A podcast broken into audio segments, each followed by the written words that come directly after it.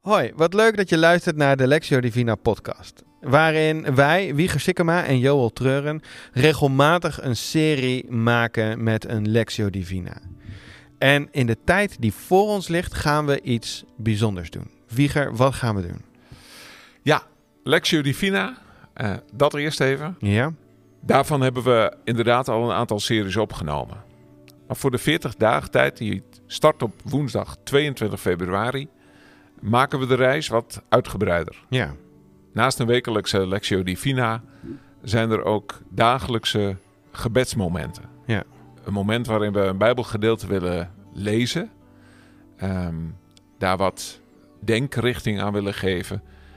En dan ook ruimte maken om daar zelf over na te denken en over te bidden. En wij gaan dus 40 keer preken. Is dat het idee?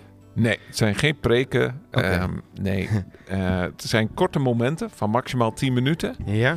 Waarin heel veel ruimte is om zelf te reageren Hm. op het Bijbelgedeelte. En waar je hooguit meegenomen wordt in een denkrichting over het gedeelte. En met een vraag die je meekrijgt in een moment van bezinning en gebed. Oké. Dus het is vooral de bedoeling dat je er zelf mee aan de slag gaat. En wij geven hooguit wat denkrichtingen. Ja. Eh, die gaan we niet met z'n tweeën doen. Nee, dat We is hebben- heel bijzonder. We hebben wat mensen gevraagd om aan te haken en mee te gaan doen. En dat is ehm, voor de afwisseling goed. Ja? Maar het is ook fijn dat er eh, gewoon andere mensen ook ehm, ja, eh, bereid zijn, het mooi vinden om jullie op die reis mee te nemen Ja. als luisteraars. Ja. Degenen die meedoen, Esther Beekhuis, Leidie van Straten, Mathilda van Triest en Corine Filius. En met elkaar vormen we eigenlijk een team voor de komende 40 dagen tijd. Waarin we eh, jou als luisteraar heel graag eh, een reis willen aanbieden inderdaad. En de reis die we je aanbieden is dat we samen willen ontdekken wat nou het grote verhaal van God is. Dat is eigenlijk een beetje de, de rode draad er doorheen. Met als ultieme dat we naar Pasen toe leven, waarin we nou ja, de grote slag die God geslagen heeft eh, willen vieren met elkaar. En daar willen we de komende tijd naartoe werken. Dus vijf keer per week een kort gebedsmoment. Eén keer per week op de woensdag een Lectio Divina, die wat uitgebreider zal zijn dan dat gebedsmoment. En dan op zondag Op zondag niks, zijn we vrij. 40 dagen, daarin telden de zondagen niet mee. Nee, dan is het feest. En dan is het rust. Ja, oh, rust. Ja, Oké. Dan is het- Dus dan is het even rust, maar ook feest. Misschien mooi om aanvullend op ehm, dat je hiermee bezig bent en eh, nou ja, echt een, een tijd van bezinning ingaat, om voor jezelf ook eens na te denken. Is er iets wat ik in mijn leven zou kunnen aanpassen, waardoor ik nog wat meer nadruk op die bezinning leg? Dus van oudsher is de 40 dagen tijd, de lijdenstijd, een periode waarin we ervoor kiezen als mens om tot verstilling te komen, tot bezinning te komen. En dan kan het ook zijn om even wat afleiding in je leven uit te zetten, zodat je daar wat meer naartoe getrokken wordt. Wieger, heb jij daar ervaring mee? Is er iets in jouw leven wel eens geweest waarin je zegt: Oh ja, maar dan kies ik in zo'n periode er juist voor om niet. Ja, dat kan op verschillende manieren. En dat is ook voor iedereen persoonlijk. Ja. Voor mijzelf is het nog wel eens een periode geweest om eh, wat minder tv te kijken. Oké. Ehm, niets meer te eten dan alleen het noodzakelijke. Hm. Ehm, eens een keer een half uur vroeger op te staan om juist tijd te maken voor God.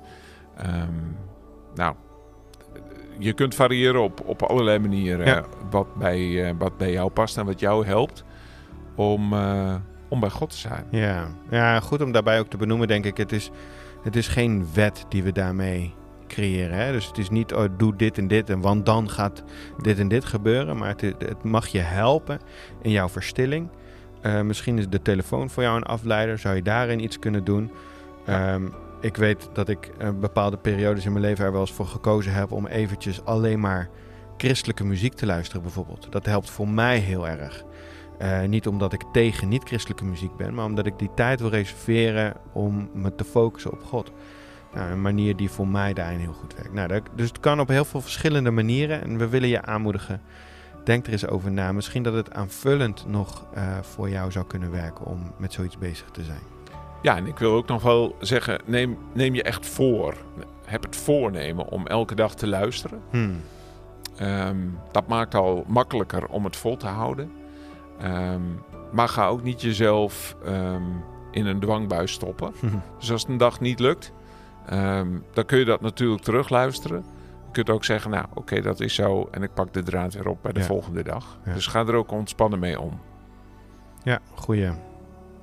We kijken er naar uit wat we gaan beleven met elkaar. Voel je vrij om eens te reageren door eh, ons op te zoeken via social media en een berichtje te sturen of eh, een mailtje of een, eh, of een appje of wat dan ook.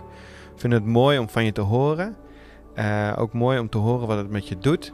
En we kijken uit naar, eh, naar een mooie tijd van bezinning en verstilling.